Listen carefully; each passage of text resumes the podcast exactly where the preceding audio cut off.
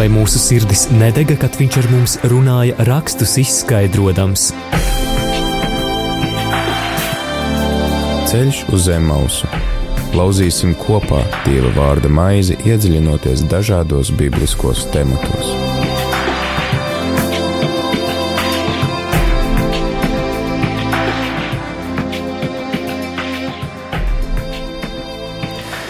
Esiet sveicināti, darbie radio Marija Latvijas klausītāji! Ceturtdienā, 9. novembrī, ir 5 un 1 minūte. Sākam raidījumu ceļš uz Emmausu šeit studijā es Māris Veliks. Jēzus mācekļiem ceļā uz Emmausu izskaidroja svētos rakstus, kas par viņu ir rakstīti, un vēlāk, kad abi mācekļi atminās šo notikumu, viņi saka, vai mūsu sirdis nedega, kad viņš runāja uz mums rakstus izskaidrodams. Šajā raidījumā mēs turpinām šo ceļu kopā ar kungu un kopā ar dažādu konfesiju garīdzniekiem turpinām iedziļināties Dieva vārdā, lai tā lasīšana un labāka izpratne par to tuvinātu mūs dziļākām un personiskākām attiecībām ar Dievu. Kāda aktuāla tēma, kurā mēs ielūkosimies arī šovakar jūsu uzmanībai. Sakām vārdu grāmata 6, 16, 16 rakstīts gūt gudrību, ak, cik labāk par zeltu un saprašanu teicamāk nekā sudrabu. Jā, dārgo klausītāji, mēs šovakar runāsim par atziņu un ko mēs par to varam uzzināt no svētajiem rakstiem, un par šo tēmu mums labāk palīdzēs rakstus izprast Tukuma un arī apšu ciema baptistu draugu garīdznieks Raivis Deksnis. Sveiki, Raivi! Labdien, mīļie radioklausītāji Māri! Raivi, vispirms, kāda ir šīs tēmas aktualitāte, kāpēc būtu svarīgi runāt par atziņu? Bez atziņas eh, mēs nevaram Dievu iepazīt. Un eh, mēs katrs eh, savā dzīvē ejot eh, dažādākus eh, dzīves posmus, mēs esam nonākuši pie atziņas, ka mums vajag Dievu. Un atziņa ir viens no, viens no būtiskākajiem, es gribētu sacīt, eh, ceļiem pie Dieva.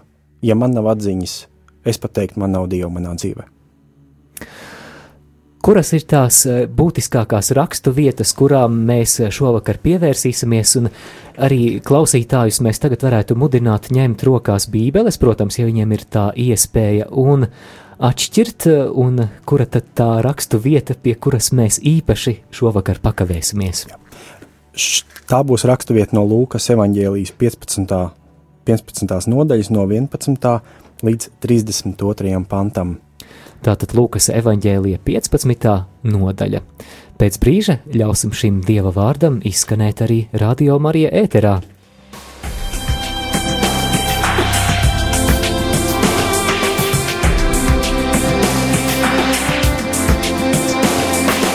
Ceļš uz zem mausu katru ceturtdienu, pulkstens 17.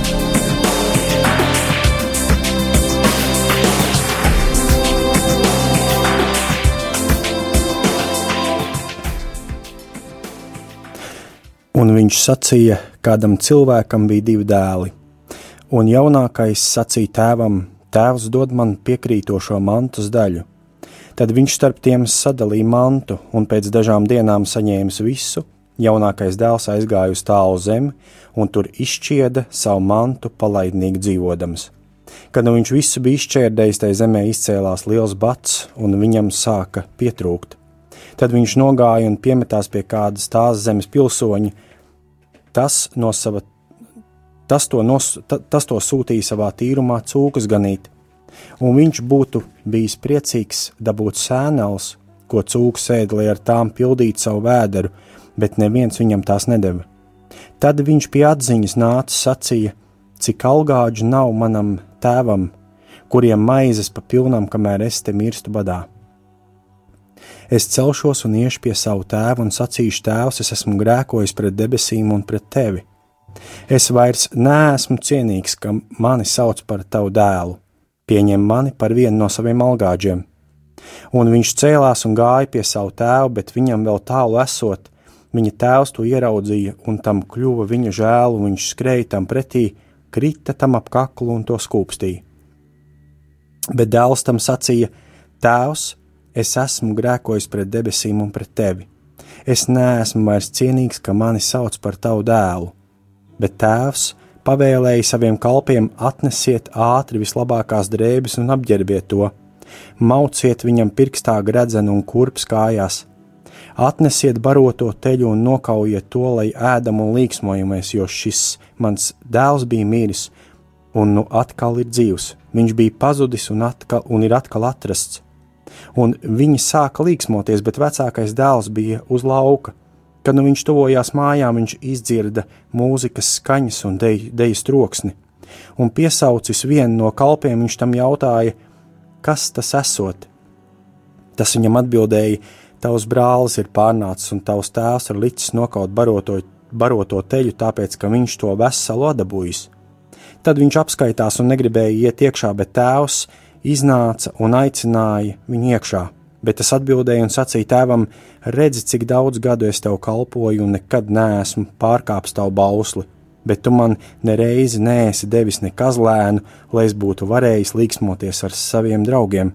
Bet tagad, kur šis tavs dēls ir pārnācis, kas savu mantu izšķērdējis ar netiklām sievām, tu viņam esi licis nokaut baroto teļu. Bet tas viņam atbildēja: Dēls, tu aizvien esi pie manis, un viss, kas ir mans, ir arī tavs.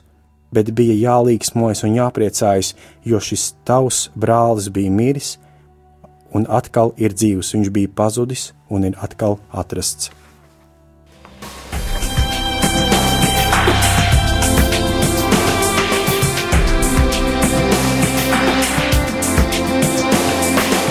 Ceļš uz zemes mausu katru ceturtdienu, pulkstens 17.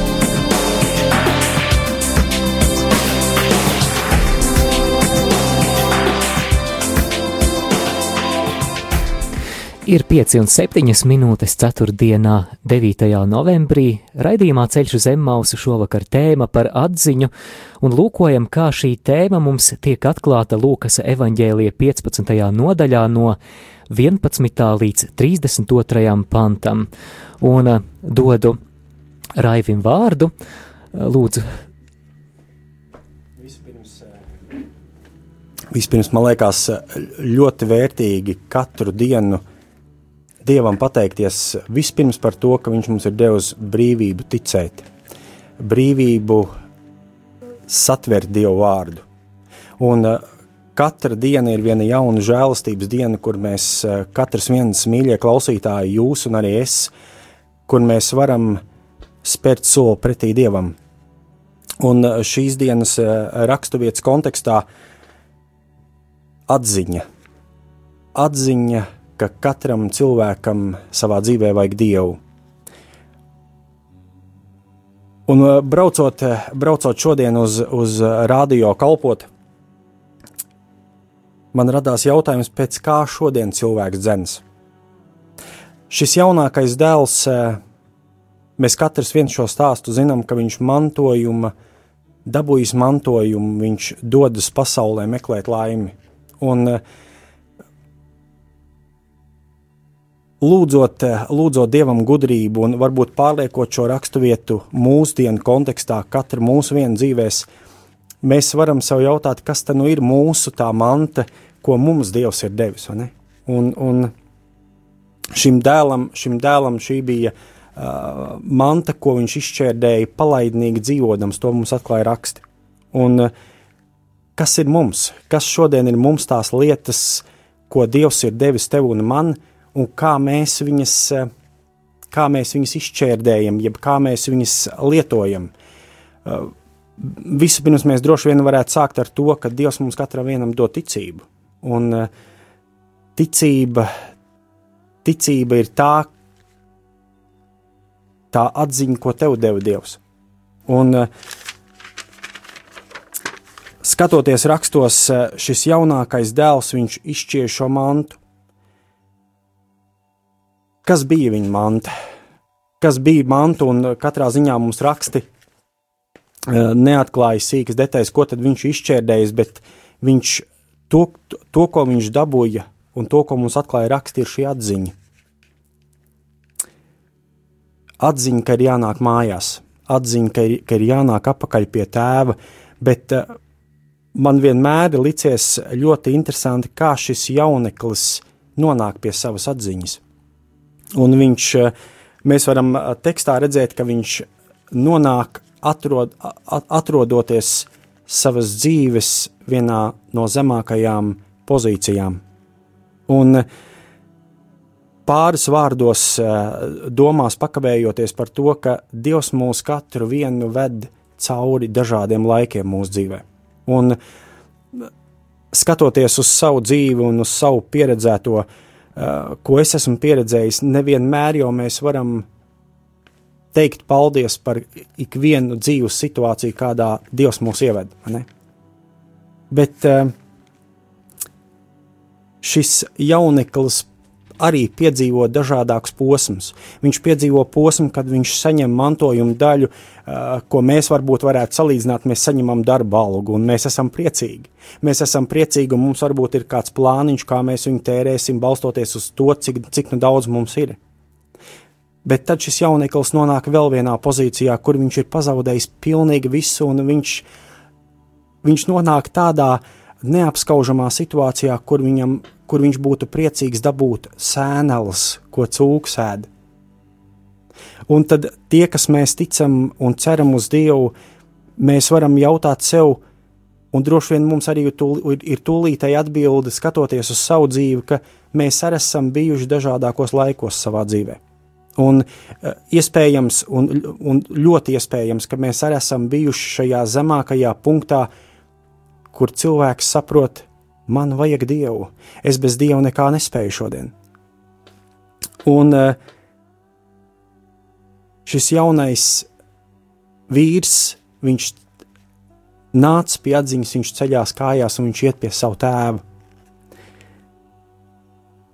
Viens, manuprāt, viens aizraujošs, pamācošs stāsts, ko Dievs mums katram ir devis privilēģiju lasīt un mācīties no tā, kad, lai arī kādā es eh, pozīcijā savā dzīvē atrastos, lai uh, cik viegli vai grūti laiki man nebūtu, man šodien vajag atziņu, lai es nāktu uz tēvu mājām.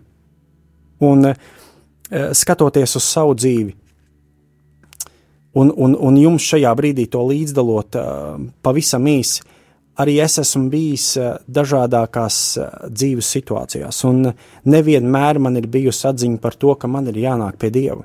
Bet 2006. gada februārī, vienā augstā ziemas vakarā, man Dievs deva šo atziņu. Un pārdomājot, ļoti ātri izskrienot cauri savai dzīvei, es sapratu, ka es bez Dieva savā dzīvē vispirms es neesmu nekas un man nav nekā. Un Katrs cilvēks Dievu vislabāk savā dzīvē redz, atskatoties pagātnē, pakavējoties atmiņās, domās, kā Dievs ir vedis man dzīvi. Un 2006. Eh, gada febru, februāris bija brīdis, kad es sapratu, ka manā dzīvē vajag Dievu. Un, un ir bijuši dažādāki posmi uh, dzīvē, gaiši, tumši, grūti, viegli, Un katrā no šiem dzīves posmiem es varu droši apgalvot, ka Dievs man ir vadījis arī tad, kad man vēl atziņas par viņu nebija. Pie atziņas nācis viņš nāk uz tēva mājām. Mums šodien katram, mīļie klausītāji, jums arī man ir vajadzīga šī atziņa, lai pie Dieva noturētos viens posms cilvēka dzīvē ir tas droši vien lūzuma posms, kad viņš saka, man vajag dievu. Man vajag dievu, un man dievs ir devis to atziņu. Bet man šī atziņa arī ir jāsargā. Tas, kā man dievs to ir atklājis, mēs dzīvojam diezgan skarbā un ļaunu pilnam, ļaunum pilnā pasaulē, kur uh, mums apkārt ir tik ļoti daudz informācijas, uh, mēs tik daudz ko esam privileģēti uzzināt, un, un galu galā mums ir internets, kas šodien, manuprāt, ir visa uh, viena no tādām ļaunuma saknēm. Un uh, mēs neesam, savā ziņā mēs neesam pasargāti no tā, ko mēs redzam, ko mēs dzirdam un ko mēs ieraugam. Bet, bet tas, kas mūs var pasargāt, ir lūgt katru dienu no Dieva, Dievs dod man šo atziņu, ka man katru dienu vajag tevi, ka man katru dienu vajag lasīt rakstus, ka man katru dienu vajag tevi lūgt un pielūgt, lai es nepazaudētu tevi savā dzīvē. Un, manuprāt, ļoti interesanti ir, ka Marka evanģēlijas 10.51, kur Jēzus dziedina šo aklo vīru, un Jēzus, un tur, un tur ir rakstīts šādi vārdi, un Jēzus griezās pie tā un sacīja, ko tu gribi, lai es tev daru? Ko tu gribi, lai es tev daru? Bet aklais viņam sacīja, rabūnī, ka es varu redzēt. Un uh, Droši vien mēs katrs eh, viens eh, mīļie klausītāji esam sastapušies ar to, vai es gribu redzēt. Tas, ka es redzu, tā ir viena lieta, un es varu būt dzīves, um, dzīves vienā posmā, kur es esmu pārliecināts par savu redzēšanu. Bet uh, mēs neviens neesam pasargāti no to, ka mēs pārstājam redzēt. Un šis aklais saka, es gribu redzēt, kad es varu redzēt. Un tas, ko es sev šodien varu jautāt, vai es gribu redzēt vai es gribu šodien dzirdēt Dievu savā dzīvē. Mm, un, jā, reizēm varbūt ir daudz vieglāk neredzēt, neredzēt to nožēlojamo stāvokli, kad tu esi pie tās cūku siles, dzīvot tādā kā ilūzijā. Ļoti, ļoti vērtīgi, Mārtu, saki, kad vieglāk reizēm patiesi ticībā, ejot ticības ceļu, ir neredzēt. Ir neredzēt, jo tik līdz tu sāc redzēt, tev tas, ko tu zini par Dievu vārdu, tas tev ir jāsāk praktizēt savā dzīvēm. Pēc mūzikas pauzes atgriezīsimies ēterā. Atgādinu, ka skan raidījums Ceļš uz Emmaus, un šodien mēs runājam par atziņu svētajos rakstos.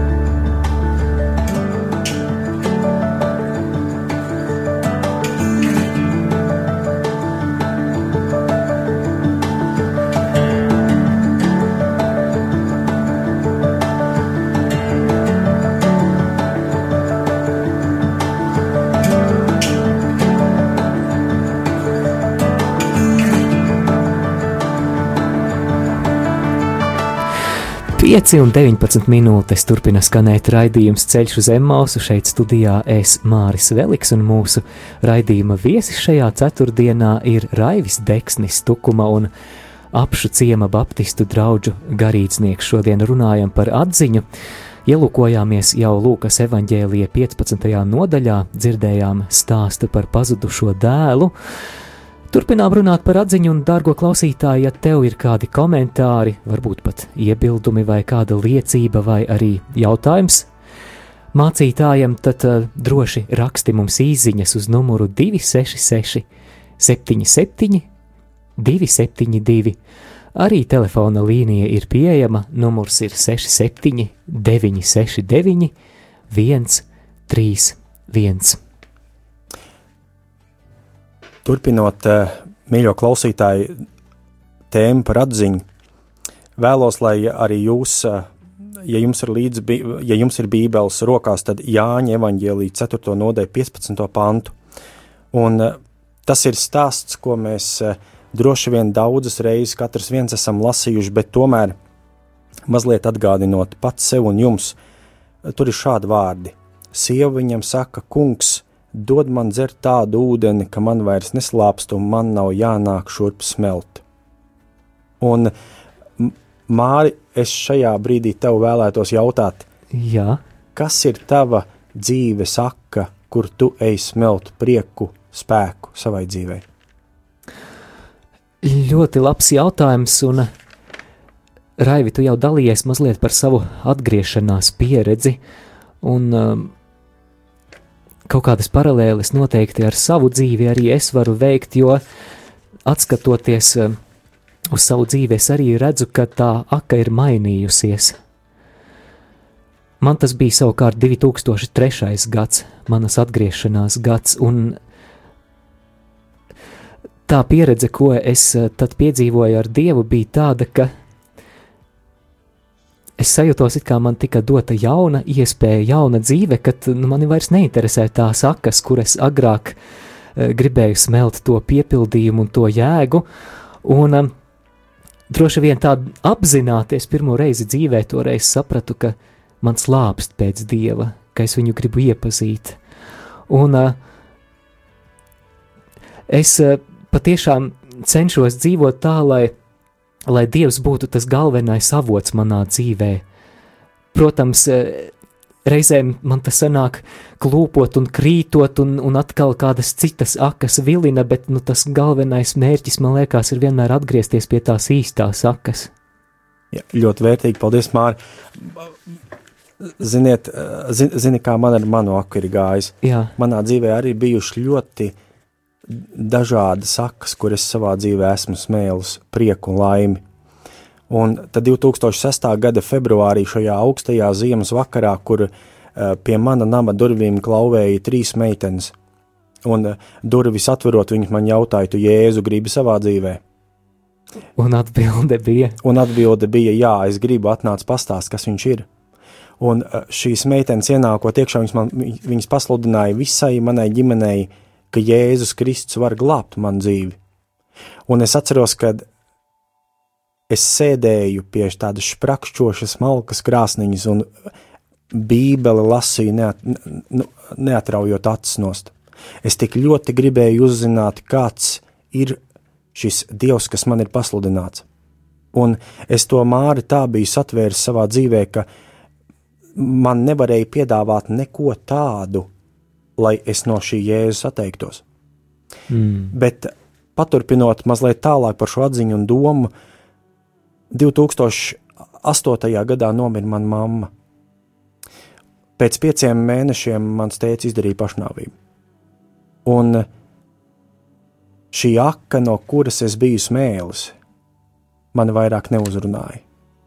Mm -hmm. Man, es pat teiktu, ka es biju pazaudējis šo atziņu ka sāpju, ka tādā lielās, um, tumšā posmā, kad cilvēks nonāk, tad kaut kas notiek, un kaut kas notika manī. Un, un tā aka, kur es katru dienu gāju un smēlu, man vairāk nedarbojās. Bet, bet vienā rītā pieceļoties, es sapratu, ka man lūkšanā jāiet atpakaļ pie Dieva. Manā sirdī ne uz brīdi ne, neizzuda uh, ka tomēr Dievs ir tas, kas man atkal asaru vietā var likt smaidīt. Un es Dievam lūdzu lūgšanu, Dievs dod man ausis dzirdēt un acis redzēt, un viņš man māra deva. Un es atkal varēju, man Dievs deva atkal atziņu, atziņu par viņu, ka viņš ir mans pestītājs, ka viņš nekur nav zudis arī dzīves vistumšākajos posmos. Es lasīju vien, vienu uh, grāmatu, un, un es ļoti daudz klausos sprediķus. Un, un eh, viens, viens vīrs, viens runātais teica šādi, ka ceļš uz, gai, uz jaunu dienu ir cauri naktī. Mm. Mēs, mēs lai, lai kādās sāpēs cilvēks būtu nonācis, viņš nevar palikt naktī, viņam ir jāiet uz priekšu, viņš nevar iet atpakaļ. Viņš nevar nožēlot to, kas bija vakar. Viņam ir jādzīvo šodien, un jaunas dienas sākums ir cauri naktī. Un Dievs man deva atziņu par to, ka man vajag viņu un ticību un cerību spērt soli ticībā un iet cauri šai naktī, lai es ieraudzītu jaunu dienu.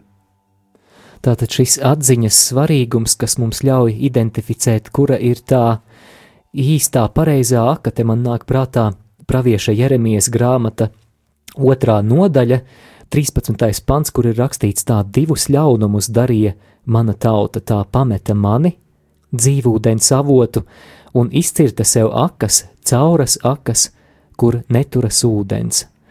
Bet, lai mēs konstatētu, ka tā mūsu dzīves aka patiešām ir caura, ka tā nesniedz to dzīvo ūdeni, tur ir nepieciešama atziņa.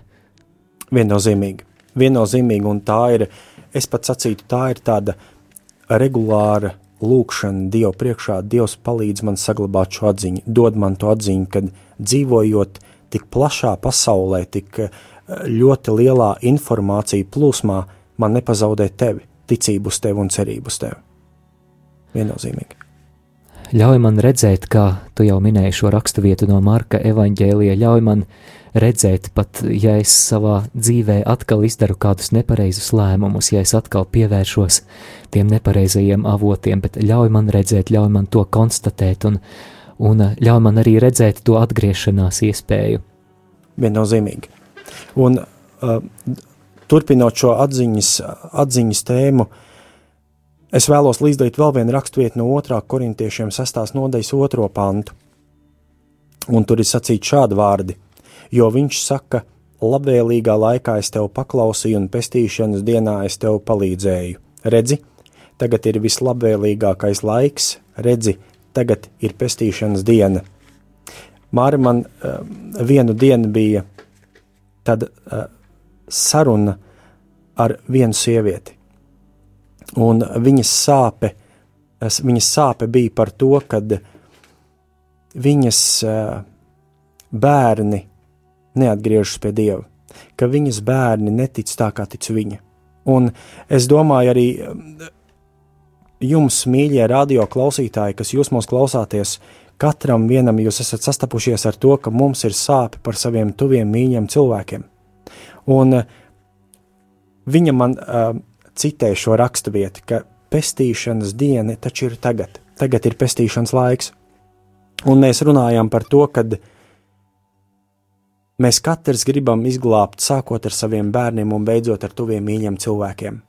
Jo mums taču arī dzīvojot šajā plašajā pasaulē un aizmirstot tās tumšās lietas savā dzīvē, mēs arī ļoti daudz ko gaišu varam ieraudzīt. Un mēs katrs gribam, lai mūsu neredzīgie bērni sāktu redzēt. Sāktu redzēt to, ko mēs esam satvēruši, to, ko Raivis ir satvērs 2006. gada februārī. Un mēs runājām ar šīs sievietes par to, ka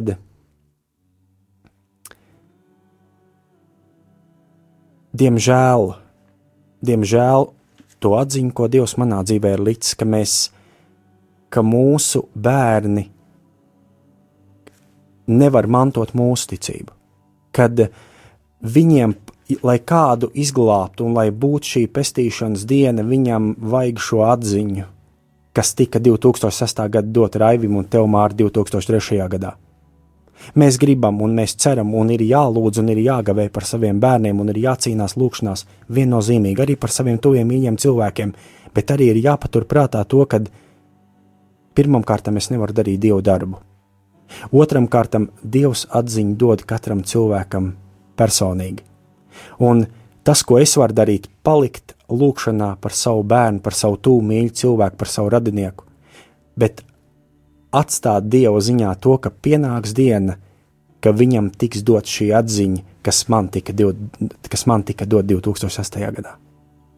Paldies, Raivi, man šķiet tā ļoti vērtīga norāde, ka mēs neesam Dievs, Jo reizēm patiešām dzīvē ir tādas situācijas, kad mēs teju vai tādu kārdinājumu piedzīvojam, mēs uzskatām, ka no mums viss ir atkarīgs.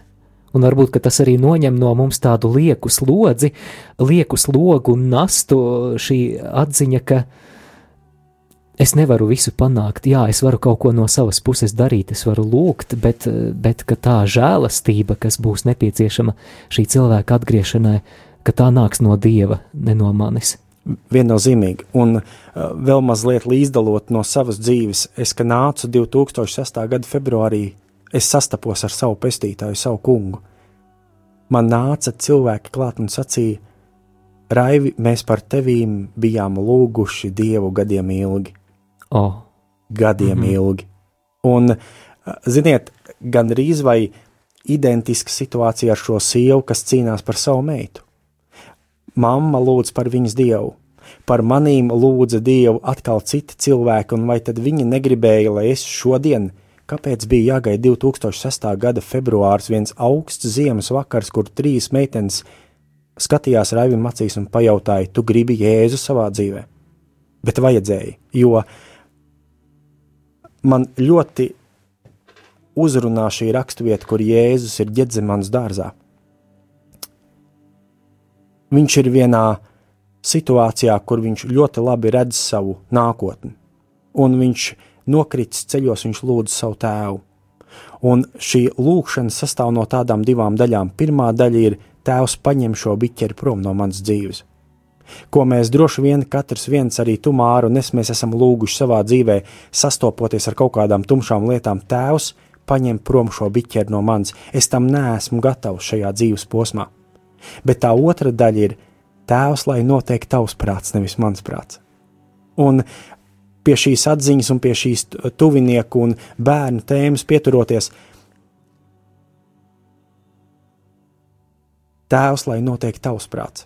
Es par bērniem, par tuviem mīļiem cilvēkiem palieku lūkšanā, lai viņam tiek dot atziņa, kas, kas man ir šodien.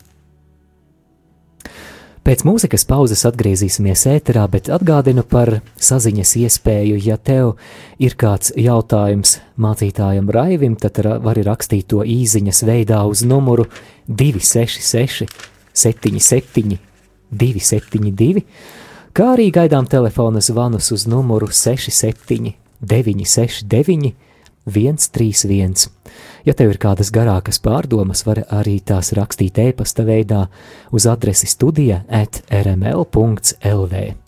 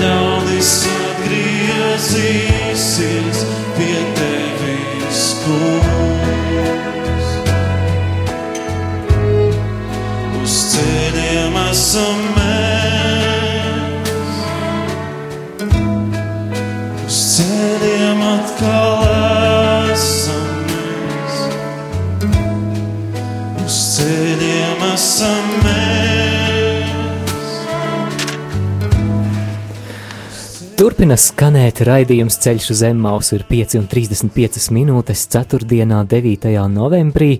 Mūsu raidījuma viesis šovakar ir Raivis Deksnis Tukuma un apšu ciema baptistu draugu garīdznieks. Šodien runājam par atziņu svētajos rakstos. Raivi, man tāds jautājums, mēs jau mazliet runājām par šo līdzību par pazudušo dēlu. Uh, mēs pieskārāmies tam jaunākajam, jeb tā saucamajam pazudušajam dēlam, bet tur vēl tas otrais brālis, un man jau šķiet, ka viņam ar to atziņu arī nebija līdz galam. Jā, Māri, par šo vecāko uh, dēlu, uh, brāli runājot. No 27. panta mēs pat varam līdz 32. nolasīt, un mēs redzam, ka šis teksts runā par to, ka viņš viņš nepriecājās. Viņš nepriecājās par to, ka šis jaunākais brālis ir atgriezies mājās. Viņam nav nekāda prieka, drīzāk viņam ir rūkums par to, ka tēva attieksme pret šo jaunāko ir savādāka nekā pret viņu. Lai gan, lai gan, viņš, ir, lai gan viņš ir bijis uzticamāks, kā, viņ, kā, kā viņam liekas, un ka viņš ir bijis labāks par šo. Un, un tas māri man šķiet, ka šodien katram vienam uh, arī man tai skaitā iedot tādu, tādas pārdomas. Viena lieta ir, kad katru dienu taču atgriežas jauni cilvēki pie Dieva. Es tam ārticu, ka katru dienu Dievs cilvēkiem dod atziņu, ka viņiem ir jānāk pie Dieva. Bet tas, ko es varu sev jautāt, kas šodien ir ar mūsu prieku par šīm izglābtām dvēselēm? Kas ir ar mūsu prieku, kad tad, kad man vajadzētu priecāties, vai es priecājos par to. Un uh, kādu, kādu laiku atpakaļ uh, vienā, vienā sarunā ar vienu, vienu sievu, uh, viņa man jautāja tādu jautājumu, cik mums šodien saņemot dāvanu ir viegli pateikt paldies vienkārši uh, pateikt paldies un aiziet projām. Un tā nav, tās nav dā, dāvinātas dāvanas, ka tev vai man ir dzimšanas diena, vai ir vārda diena, vai ir Ziemassvētka, vai ir jaunais gads. Nē, tās ir tā, tādas dāvanas uz tādu pārsteigumu momentu. Tu piecelies, un šodien tev kāds pārsteidz ar dāvanu. Un, un manuprāt, ir ļoti grūti ar šīm divām lietām priecāties šodien par kādu, es pat sacītu, nemieru pilnā pasaulē darba spriedze, mājās mums ir tik daudz lietas, par ko mums ir jārūpējas. Bērni, mazbērni, pašiem ir jāapģērbjas, ir jāpēd, darbs, darbā problēmas, rūpes, raizes. Un tad nu man būtu jāpriecājās par kādu, kurš ar Dievu ir sastapies, kādu, ar ko iespējams es viņā dienā būšu mūžībā kopā. Vai es pareizi saprotu, mēs varam apgalvot, ka šim vecākajam dēlam trūka atziņas par izglābtās dvēseles vērtību, un viņš nespēja to svinēt. Pilnīgi droši. Bet eh, man jau šķiet, ka viņam arī nav pareiza atziņa par tēvu, jo viņš skatās uz tēvu ar tādām aizdomām, neusticēšanos, ka tēvs viņam kaut ko liec, liec kādu prieku, un eh, Iespējams, viņam pat arī nav atziņas pašam par sevi, par savu stāvokli šajā tēva namā, jo galu galā šeit tēva vārdi skaidri atklāja, ka viss mans ir tavs. Un um, šis dēls ir nodzīvojis šajā saimniecībā visu savu mūžu, un iespējams, ka nekad līdz šim brīdim nav nonācis līdz atziņai, ka viss, kas šeit ir, ir viņa šī, dzī, šī verga mentalitāte, viņam viss pieder, bet viņš to nezina. Atkal šis atziņas trūkums. Atziņas trūkums, un uh, man, ļoti, man ļoti spēcīgi liekas, ka Pāvil, apostols Pāvils uh, korintiešu vēstulē saka, ja, ja kādam šķiet, ka viņš stāv, lai pielūko, ka nekrīt. Un šis, šis vīrs, es pat sacītu vīrs, ir visu mūžu dzīvojis vienā ļoti labā situētā vidē ļoti iespējams viņam nekā nav pietrūcis. Viņam ir bijuši ļoti daudz barotu teļu, un, un viņam ir bijis viss, kas viņam ir vajadzīgs, un viņam ir šķitis, ka viņš stāv, un es pat māru sacīt, ka arī viņam vēl joprojām liekas, ka viņš stāv. bet tu pateici ļoti labi to, kad ļoti iespējams, ka viņš ir kritis, jo viņam nav šīs atziņas par to, ka viņam ir jāpriec, ka viņam vajag Dievu savā dzīvē, un ka viņam ir jāpriecājas par to, ka viņa brālis ir izglābts.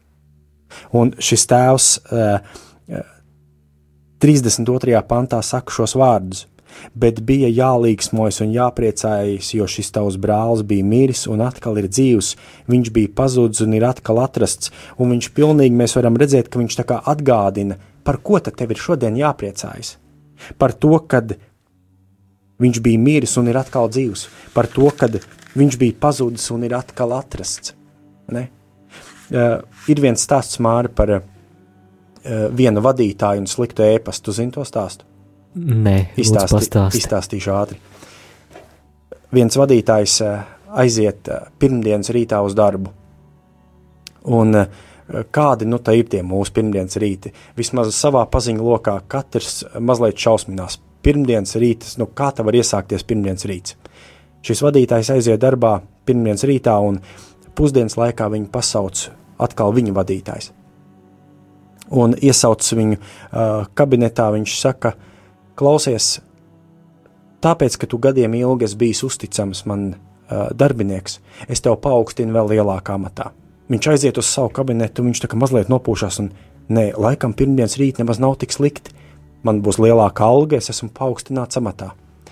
Pēc minūtēm desmit viņam zvana telefons, viņš pastāsta, meita zvana. Viņš pacēla klausulu un meitu saka šādus vārdus: Tēti, tu būsi vecais tēvs, es gaidu mazuli. Viņš saka, nu, fantastisks pirmdienas rīts. Un nāk pulkstenis pieci, un viņš saņem ēpastu. Un šis ēpasts ir patiesi ļoti, ļoti slikts. Tik slikts, ka viņš brauc mājās mašīnā, un kā tev šķiet, Māri, par ko viņš domā? Par šīm divām labām lietām vai par šo slikto ēpastu? Jā, tajā cilvēciskajā psiholoģijā kaut kas ir tāds, ka mēs ļoti mēdzam nofokut, nofokusēties uz to negatīvo, ka nepamanām, nepamanām to, kas mums ir apkārt. Gluži kā Ādams un Ieva pēkšņi čūskas pamudināti vairs neredz tos visus augļu kokus, kas ir apkārt, bet koncentrējas tikai uz to vienu. Viennozīmīgi. Un es pat sacītu, tajā laikā es esmu pārliecināts, ka viņam nebija ēpasta bet šis vecākais dēls rīkojas kā saņēmis vienu sliktu ēpastu par savu tūmu mīļu cilvēku, ka viņš vairs nav miris, bet viņš ir dzīvs, kad viņš ir dabūjis pestīšanu. Un uh, tas, ko mēs, uh, mēs apmāri un arī mīļie radioklausītāji, tas, ko mēs nevaram aizmirst un tas, kas mums no Dieva ir jālūdz, šī gudrība un šī atziņa, ka mēs turpinām priecāties un saskatīt lietas un priecāties par tām, ko mēs varbūt savā dzīvē pat saucam par pašsaprotamām. Un, un varbūt viena no tādām pašsaprotamām lietām ir, es esmu izglābts. Bet vai tad varēja manā dzīvē būt savādāk? Vai tad, vai tad es varēju pazust savā dzīvē? Un, un maz, maz, maz, mazliet domājot uh, par savu dzīvi un arī par to augsto februāra vakaru, kur ienāca šīs trīs meitenes ka viņas uzrunāja mani, viņas, viņas man pasludināja šo kungu, pestītāju, kas izglāba manu dzīvi. Un man ir 35 gadi. Un tas, ko es ikdienas daru, es Dievam lūdzu pasargāt mani no tādas augstprātības savā ziņā, kad es viss, kas man apkārt, ko es spēju saskatīt šo gaišo, labo, pozitīvo, kad es to savā, diev, es to savā dzīvē nenodēvētu par pašsaprotamu, ka man ir ģimene, kad es esmu vesels, ka es dzīvoju fantastiskā Latvijā, kur, ir, kur mums ir atvērta dievnam, kur mēs varam iet un skaļā balsī lūgt Dievu un lasīt gal galā vārdu, kas ir zāles priekš mūsu dvēseles.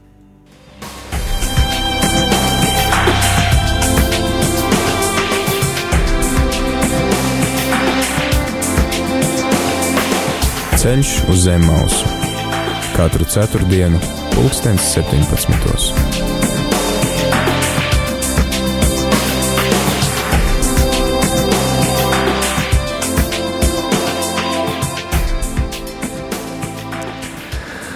Par atziņas tēmu ir arī kāda brīnišķīga rakstu vieta vecajā derībā, Hozejas grāmata, 4. nodaļa, 6. pants. Mana tauta iznīkst atziņas trūkuma dēļ, kur mēs arī redzam šīs atziņas svarīgumu. Bet raivi mums, kā kristiešiem, un arī lielākā daļa no radio klausītājiem, arī noteikti ir cilvēki, kas seko Jēzum savā dzīvēm Vai mēs eh, drīkstam ļauties tādai pašapmierinātībai, ka nu, es esmu saticis Kristu savā dzīvē, nu tad man ar to atziņu viss ir kārtībā un esmu sasniedzis to līmeni un vairāk nav kur augt? Vai, vai vispār ir iespējams tāds punkts mūsu dzīvē, kad nu viss atziņas limits ir sasniegts? Viennozīmīgi, Mārka, nē. Es pat sacītu otrādi, kad sastapšanās ar Jēzu nav uh, nav tāds dzīves atvieglojums. Tas ir vairāk, kas liek man sarosīties. Saprotiet, eh, saprot arī Mārtu, tu man pareizi, un arī mīļie jūs klausītāji, sastapšanās ar Dievu, ka man Dievs dod atziņu, ka man ir jānāk mājās pie savu tēva. Tas ir brīdis, kas man liek sarosīties, kā es šodien dzīvoju savu, savu katru dienu, ko man Dievs ir devis. Tā nav uh, gremdēšanās domās, savā tādā pašapmierinātībā. Es lasu, man ir kaut kāds eh, zināms teoloģisks pamats, kas manī ir, un, un varbūt es ceļ, katru rītu, kur es, kur es piedzīvoju ar Dievu, man liekas taču, ka es stāvu uz, uz cietas klints, jo galu galā Dieva vārds saka, ka tas, kurš ir sastapies ar Dievu, tam namam ir jābūt celtam uz klints. Un lai katrs pielūko, kur viņš savu namu ceļ. Un man liekas, ap, apostols Pāvils tik ļoti labu kontekstu iedod un norāda šodien kristiešiem pielūko.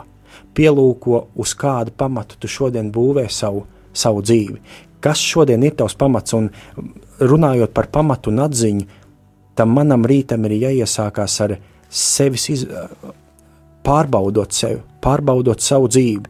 Nevis skatoties uz savu kaimiņu, jeb uz savu blakus sēdošo um, uh, kolēģi dievnamā, bet skatoties uz sevi, pārbaudot, lūdzot no Dieva un jautājot Dievs, vai tev šodien patika, kā es dzīvi nodzīvoju šodien, vai, vai, vai tev patīk mana attieksme pret tevi. Jo, manuprāt, Māra visbīstamā, zini, kas ir bīstamākā lūkšana no. Dievu priekšā. Dievs nāca un pārbauda manu sirdi. jo Māra viņš nāk un bauda. Viņš nāk un bauda, un pat vistumšākos stūrīšus viņš pārbauda. Un tad reizēm, kad cilvēkam sirds tiek baudīta, tad viņš saka, Dievs, nē, pārstāj, pārstāj, jo tas reizēm ir fiziski un morāli sāpīgi, bet tas ir vajadzīgs. Tas ir vajadzīgs. Raidījums strauji tuvojas noslēgumam, bet raivi mēs pēdējās minūtēs varētu mēģināt tā praktiski parunāt par tiem soļiem, ko mēs ik viens varētu spērt savā ikdienā, lai augtu atziņā, kas būtu jādara pirmā, pirmā lieta, ko vajadzētu darīt, eh, palikt lūkšanā. Palikt lūkšanā par sevi un par saviem tuvākajiem cilvēkiem. Uh, viennozīmīgi lasīt vārdu. Bet, zini, kas, kas Māri vēl man liekas ļoti svarīgi ir. Nevis vien palikt lūkšanā par citiem, bet būt nomodā arī šodien par sevi. Un tā nomodā palikšana, uh, vismaz kā es viņu saprotu, Jēzus vienā no saviem evaņģēlījiem saka šādus vārdus: Mana māte un mani brāļi ir tie, kas manus vārdus dzird un dara. Un tas, ko es sev šodien varu jautāt, vai es esmu tikai klausītājs vai arī viņa vārda darītājs. Un cenšoties palikt uh, dieva atziņā par to, ka man šodien dievu vajag savā dzīvē, ir praktiski censties izdzīvot viņa vārdu savā ikdienā, savā kontekstā, savā pilsētā, sākot jau ar savu pirmo draugu, kas ir mūsu ģimenes.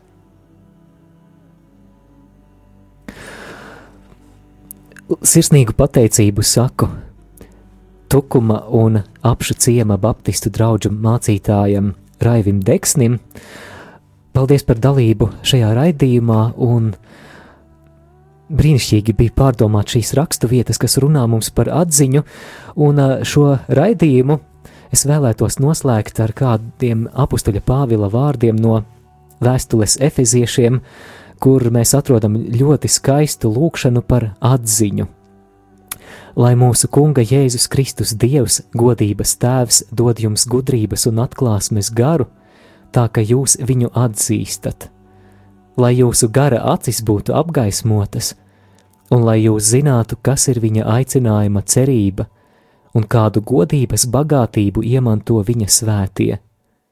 Lai jūs zinātu, cik neizmērojami liela ir viņa dievišķā varenība, kas darbojas pie mums, ticīgajiem. Raidījums ceļš uz Zemmausu nākamreiz jau ceturtdien, pulksten piecos.